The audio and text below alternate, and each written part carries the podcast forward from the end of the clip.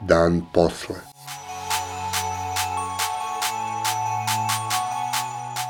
Podcast o krizi i njenim posledicama.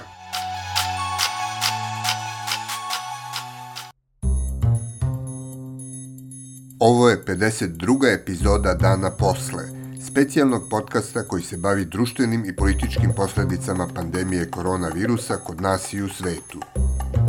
Predsednik Vučić u četvrtak nije ni stigao da izađe iz studija RTS-a, gde je kao deo mera protiv širenja epidemije najavio zatvaranje svih studentskih domova u Beogradu, a studenti su već masovno izašli na ulice i nedvosmisleno stavili do znanja da takvu odluku jednostavno neće prihvatiti. Usledilo je iznenađenje. Predsednik države opozvao je svoju odluku samo sat vremena od početka studentskog protesta. Ostaje nejasno da li je razlog ovako brze reakcije svest o tome koliko je odluka o iseljenju bila nepromišljena ili možda strah od revolucionarnog potencijala mladalačkog bunta. Protesti su nastavljeni i sledećeg jutra, a predstavnici studenta Beogradskog univerziteta su juče Ministarstvu prosvete predali peticiju kojom traže od države da im zvanično zagarantuje ostanak u studentskim domovima. Njihove kolege sa Univerziteta u Novom Sadu istog dana održale su protest upozorenja, zahtevajući da se razmotre i njihovi zahtevi. Studentskoj buni su, kao i uvek do sada, pokušale da se priključe i razne političke grupe, ali su učesnici uspešno izbegli politizaciju i ostali pri originalnom cilju i zahtevima protesta. Ostanak u domovima, dodatni ispitni rokovi, ukidanje školarina. Iako ih je deo javnosti podržao, Neki komentatori su u tome videli generacijski sebičluk. Da li imamo pravo da od mladih očekujemo da biju bitke koje stariji nisu dobili? Da li su mladi sebični? Šta ih zapravo motiviše? Šta možemo i smemo od njih da očekujemo? Razgovarali smo o tome sa sociologom Draganom Stanojevićem sa Filozofskog fakulteta u Beogradu. Dan posle. Mnogi iz e, takozvanog opozicionog dela javnosti su bili ljuti i, i, i čak i ogorčeni na studente e, koji su izašli iz domova pred Skupštinu zbog toga što su se sa svojim zahtevima zaustavili samo na tim nekim studentskim sindikalnim pitanjima, a nisu išli do kraja na rušenje vlasti. Koliko sadašnji studenti uopšte imaju želju i kapacitet za takve stvari? Tu zaista postoji jedan, uh, možda čak u našem kontekstu je jedno uh, jedan teret koji studenti moraju da nose, a to je da se od njih očekuje da budu nosioci revolucionarnih promena. Ali ono što je značajno to je da se revolucije ne dešavaju čest. Čak i kad se takve stvari dese kao što se desilo, na primjer, 5. oktobra, tada najčešće postoji svojevrsni savez društvenih grupa. Dakle, studenti i mladi jesu jedna dru, društvena grupa, ali da bi do većih društvenih promena došlo, najčešće je neophodan savez društvenih grupa, zaposlenih, nezaposlenih, srednje klase, univerzitetskih nastavnika.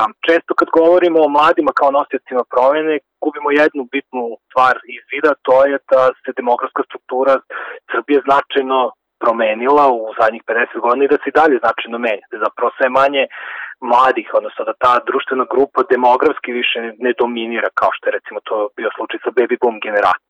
Mi smo imali prilike da vidimo da zapravo pre starije osobe, pa čak penzioneri imaju bolji glas zapravo negde u političkom polju nego, nego što su to mladi. Za mlade uglavnom govori neko drugi.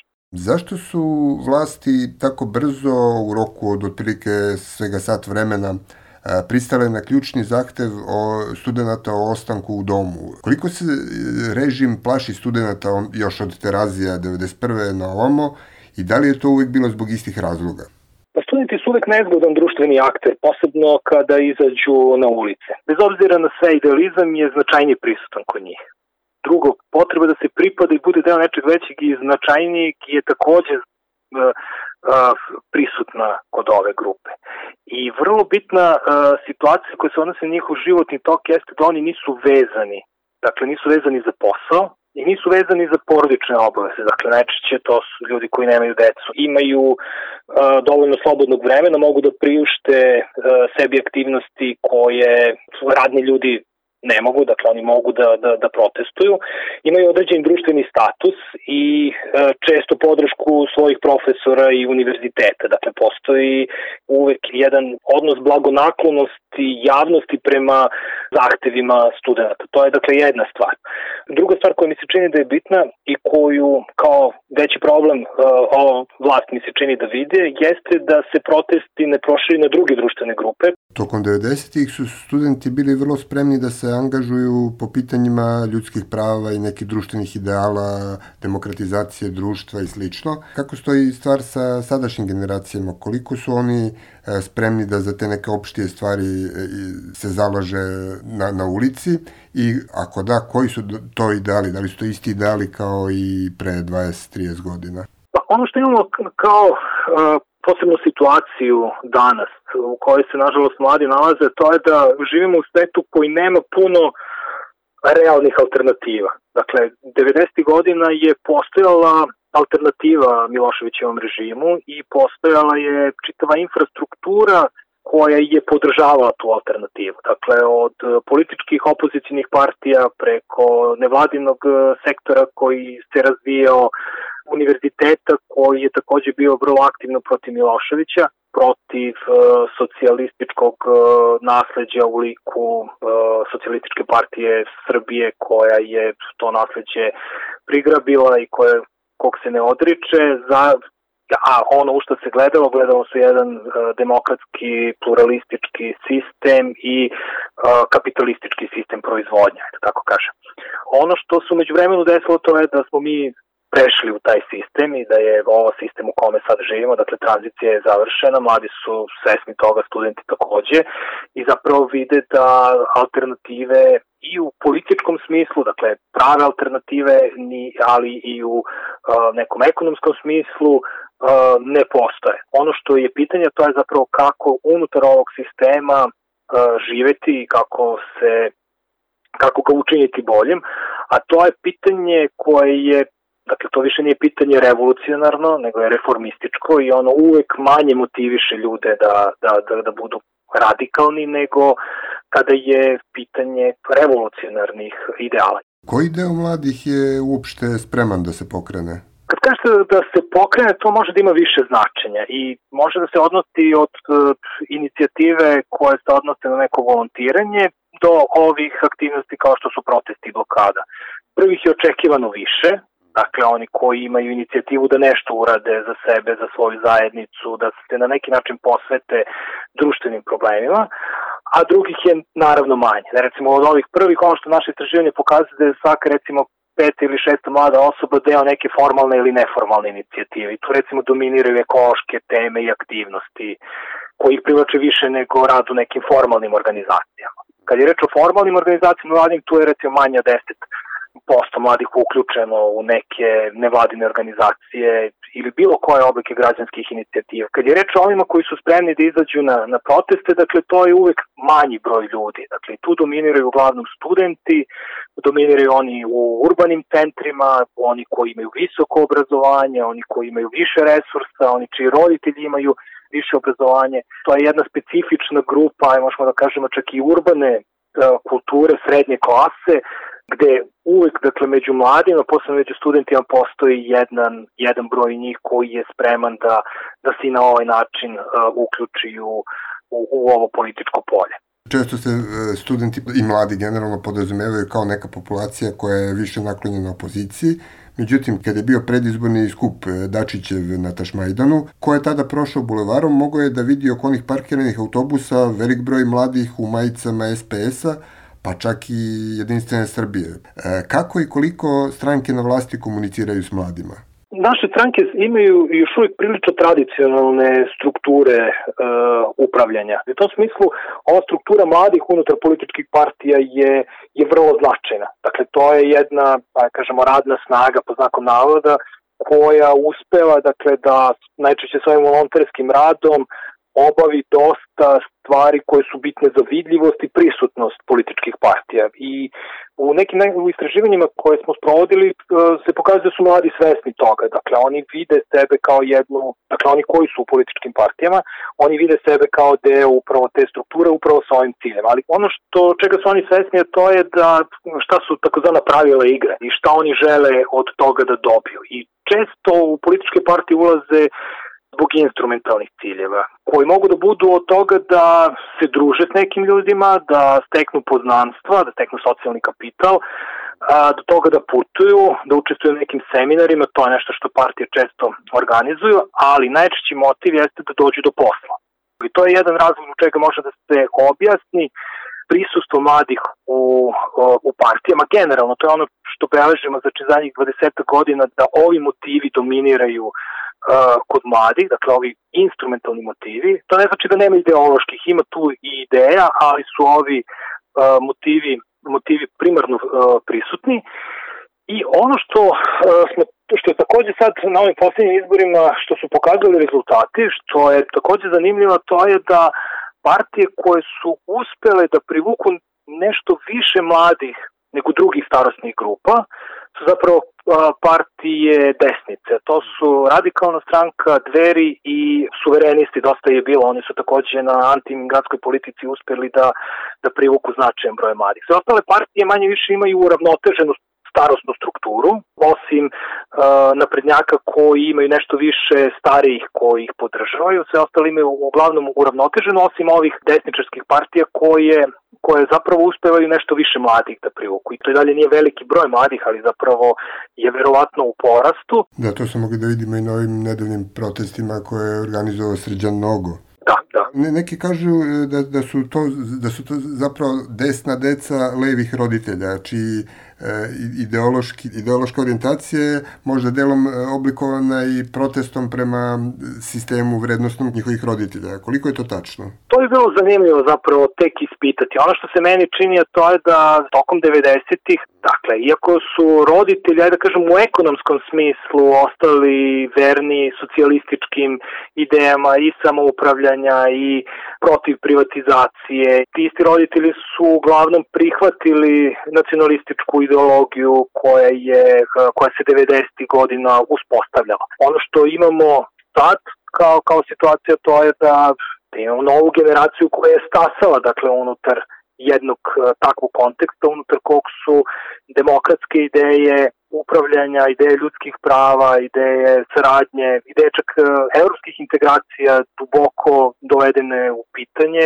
Čak i ukoliko poredimo se sad sa Hrvatskom i sa izborima koji se tamo desili, vidimo zapravo da je jedna leva koalicija uspela da uđe u parlament i da uzme, aj kažemo, značajan deo glasova i mesta, mesta u parlamentu, A evo situacije da zapravo kod nas ne postoji čak ni politička, ni jedna politička opcija koja se zalaže za, za ove ideje, koje može da ih artikuliše i koje može da mobiliše mlade. Dakle, čak i sa radikalno levog spektra mi nemamo, mi nemamo puno opcija dakle koje su široko prihvaćene. Imamo ih, ali nemamo dakle one koje su široko prihvaćene.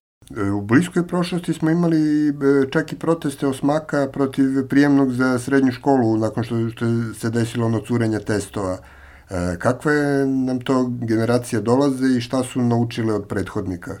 Ako je u ovom smislu pitanje da li osmaci uče od starih kolega studenta ili sami od sebe kroz generacije, odgovor je potvrdan. Mi imamo jednu istorijsku krivu koja zapravo u poslednjih 30 godina podrazumeva da su posebne grupe učile kako da artikulišu sobstvene interese i kako da te sobstvene interese brane na specifične načine. Pa smo onda imali to da su studenti počeli da artikulišu interese koji se tiču njihovog standarda onog trenutka kada su javne politike počele da se odnose na njih. Dakle, kada je došlo do reforme obrazovanja, kada je to obrazovanje postajalo sve skuplje, kada je postajalo sve restriktivnije, studenti su uspevali da nađu nove načine kako da se bore za svoje interese i to nije podrazumevalo proteste i ulice, to je podrazumevalo jedan za nas novu formu, to je blokada, blokada institucija, učenje se dešava generacijski, dakle neke dobre prakse ili uspele prakse se nasleđuju, ali ono se dešava i na globalnom nivou, tako što mladi vide i šta se dešava u regionu, šta u regionu od nekakvih inicijativa uspela da, da, da dobije pažnju i da pokaže uspeh. Malo hipotetičko pitanje. Zamislite da ste recimo menadžer kampanje predizborne za neku političku stranku Koje bi to bile stvari i teme koje biste potencirali kako biste privukli mlade birače da izađu i glasaju za vas? Ono što mi se čini da je, da je veliki problem kod nas što mnoge partije zauzimaju populističku poziciju u uh, smislu obraćanja biračkom telu. Dakle, na neki način tragaju za rečima, frazama ili nekakvim ideološkim fragmentima koji su okidači za koje očekuju da će se ljudi uhvatiti i da će zbog toga za njih glasati. Mislim da je to vrlo pogrešno. Ono što bi bilo, e, meni se čini, vrlo značajno posebno prilikom obraćanja e, obrazovanim ljudima, ljudima koji su svesni onog što se dešava u, u, u unutar političkog polja, ponuditi nekakve koherentne ideje, dakle ponuditi jasne ideje i jasne programe. Dakle, ukoliko pogledate e, programe političkih partija i posebno odgovore na tekuća pitanja i na tekuće izazove, vidjet ćete zapravo da većina političkih partija, nažalost ni one koji su vlasti, a posebno ove koji su u opoziciji, nema, nema nikakav odgovor koherentna politika im dolazi sa desnog spektra i tu uočavaju dakle jednu jasnu, zaokruženu ideološku priču koju, na koju oni mogu da se naslone, sa kojom mogu čak i da se identifikuju, s koju mogu da zastupaju i koja je uh, uh, unutar tog spektra logički koherentna. Ono što nam nedostaje, nedostaje nam jasna, koherentna priča sa levog spektra, nedostaje nam jasna, koherentna priča uh, iz centra političkog, političkog spektra, ali pored dakle, koherentne priče, neophodno su konkretna rešenja unutar ovog sveta koji je prilično kompleksan. Šta vama lično smeta, odnosno šta vas najviše brine kod e, sadašnjih generacija mladih i s druge strane zbog čega im e, skidate kapu? Novim generacijama ne zameram ništa. Dakle, to su mladi koji e, stasavaju unutar jednog društvenog konteksta i oni pokušavaju da nađu odgovore na svoje životne situacije i njihovi odgovori su verovatno najbolje rešenja koje oni imaju za sebe u tom trenutku. I ja mislim da mi kao starije generacije, ja sam već srednja generacija, ne treba mnogo da se mešamo u to šta su njihovi odgovori za, za njihove živote. Bilo da se radi o dakle, potrebi da se odsele iz zemlje ili da odaberu bilo kakav hobi ili bilo koju a, ideju koju će da slede, ono što moramo da razumemo zapravo zbog čega se oni ponašaju na, na takav način i eventualno koliko se radi o nekim dakle, destruktivnim tendencijama da nađemo način da to predupredimo i eventualno vratimo dakle, u nekakve civilizovane okvire a, društvene komunikacije.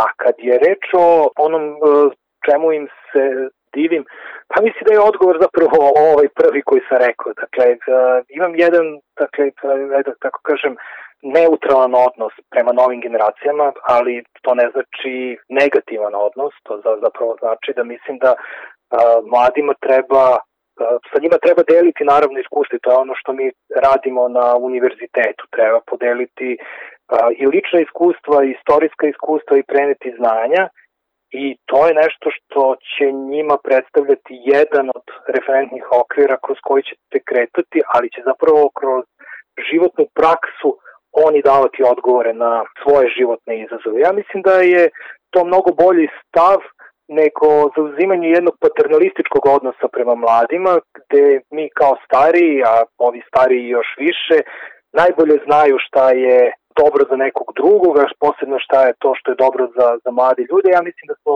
da živimo u svetu individualne odgovornosti i uh, svetu u kome smo dakle svi uh, odrasli, čak i ovi mladi ljudi, dakle oni su punoletni. Dosta ljudi iz starih generacija koji su razmišljali o mladima e, kažu da su e, sadašnja generacija za razliku od njihovih, da su kudikamo trezvenije, ovozemaljskije, pragmatičnije, Dakle, mladi danas žive u jednom uh, okruženju koje je mnogo rizičnije nego što su generacije koje su bile mlade 70. i 80. godina. Dakle, 70. i 80. godina ste imali jednu predvidljivu putanju kako ćete postati odrasla osoba tako što kad završite školu, odete u vojsku, pa se zaposlite, pa se oženite, dobijete dete, dobijete stan ili podignete neki povoljan kredit, skućite se i uh, dakle nije bilo potrebe za pragmatizmom, dakle bilo je neophodno da pratite ustaljenu putanju. Dakle, ono što se desilo promenom celog sistema i sa promenom socijalizma, to je da i sa jednim rastućim stepenom rizika unutar globalnih okvira više ne postoje gotovo nikakve zagarantovane stvari.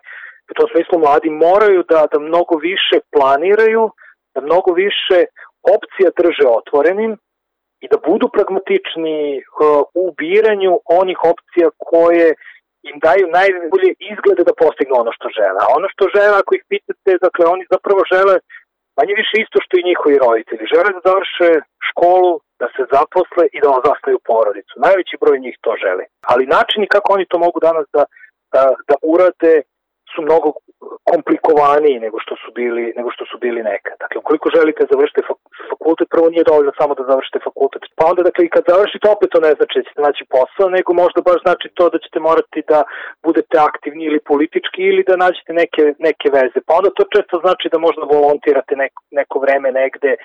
Dakle, u tom smislu uh, postoji mnogo više uh, nepoznatih prilikom tranzicije u odraslost, danas nego što je postojalo ranije. Naravno da mladi moraju da budu uh, i praktični i preduzimljivi i da imaju više stvari ispred sebe o kojim razmišljaju nego što su to imali njihovi roditelji. Da, da, ja ne mislim da ih to čini, kako kažem, da ih to čini ciničnim, ja mislim da ih to čini racionalnim akterima unutar jednog visokorizičnog društvenog polja.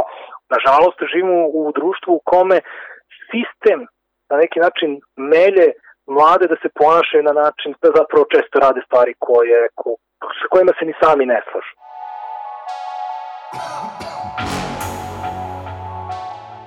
Dan posle Bila je ovo epizoda Dana posle za 7. jul 2020. godine. Nova epizoda s novim sagovornikom bit će vam dostupna u petak 10. jula. Ništa još nije prošlo, pridržavajte se mera zaštite od koronavirusa, čuvajte svoj i tuđe živote i ne čutite pred glupošću i nepravdom.